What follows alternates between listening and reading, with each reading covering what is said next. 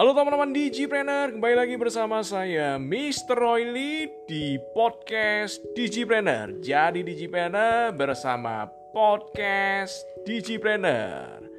Dan Digipreneur kali ini disponsori oleh indonesiasocialite.com ya, indonesiasocialite.com Media online yang membahas tentang tren gaya hidup terbaru, fashion, kecantikan, bisnis, travel, dan juga millennials ya. Jadi teman-teman silakan teman-teman akses untuk mendapatkan di indonesiasocialite.com saya bantu untuk spelling Indonesia Socialite S O C I A L I T E ya .com socialite.com One stop platform yang membahas tentang lifestyle dan bisnis yang diupdate tiap harinya ya. Silahkan teman-teman akses di browsernya teman-teman. Dan untuk podcast Digipreneur kali ini kita akan membahas tentang yang namanya security ya, security ya. Saya melihat sudah ada beberapa teman-teman yang memiliki bisnis gak cuma satu ya. Ada beberapa yang memiliki beberapa bisnis ya jadi ada bisnis A, bisnis B, nah bisnis C. Nah, jadi podcast di Cipreneur kali ini ditujukan untuk mereka-mereka yang pengen bisnisnya itu tetap ya punya beberapa bisnis tapi juga tidak beresiko ya. Karena kita tahu ya, yang namanya bisnis itu sangat beresiko ya. Menjadi seorang pengusaha, menjadi seorang pebisnis itu sangat beresiko ya. Memiliki tingkat resiko tinggi untuk gagal ya. Jadi teman-teman yang memiliki multiple bisnis, teman-teman harus tahu ya, income terbesar saya ini dari mana sih? Itulah yang disebut dengan primary source of income ya, primary income ya, primary job. Atau teman-teman yang sekarang employee, teman-teman juga harus tahu ya. Kalau saya employee, berarti primary income saya dari employee ya. Atau teman-teman yang misalnya punya toko income terbesarnya dari toko ya. Lalu dia juga menjalankan insurance atau menjalankan network marketing atau menjalankan bisnis yang lain. Hal utama hal pertama rule number one adalah primary source of income itu harus diamankan ya. Terutama juga jangan dijaminkan ya. Tidak boleh dijaminkan ya.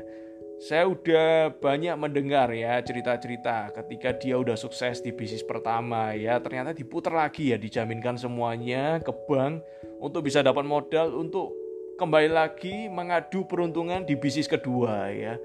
Ternyata hanya di atas berbaik hati ya. Dia ngambil lagi bisnis kedua sukses ternyata juga ya.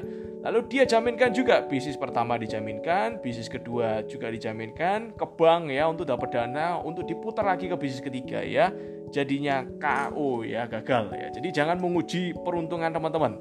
Karena yang namanya bisnis itu 80% sukses, 20% berhasil ya dan malah kalau kita melihat statistik itu dalam lima tahun pertama itu 90% bisnis itu gagal ya. Cuma 10% aja bisa tetap tetap standby ya tetap bisa tumbuh ya tetap bisa bertahan ya. Bukan sukses ya saya bilang 10% itu dari 100% 10 90% gagal 10% bisa bertahan ya.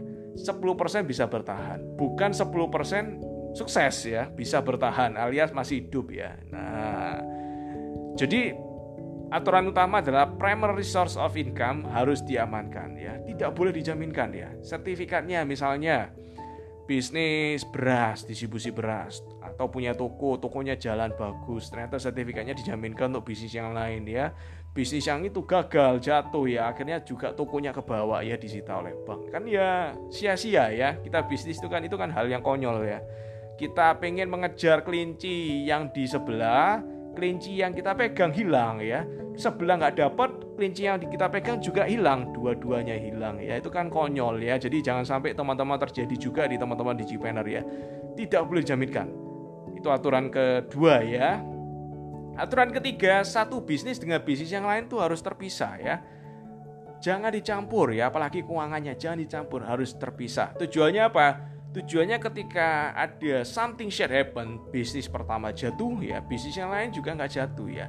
Itu yang disebut dengan yang namanya meminimalisasi resiko ya. Jangan sampai satu bisnis jatuh, bisnis-bisnis yang lain teman-teman jatuh-jatuh-jatuh semua ya. Apalagi seperti saya kan bisnisnya beberapa ya. Saya juga menjaga keuangan harus terpisah ya. Primary source of income harus diamankan, tidak boleh dijaminkan.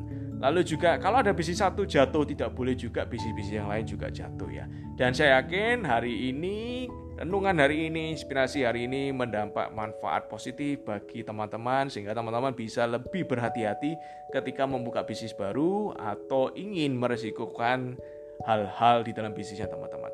Sukses selalu buat teman-teman, salam Digipreneur.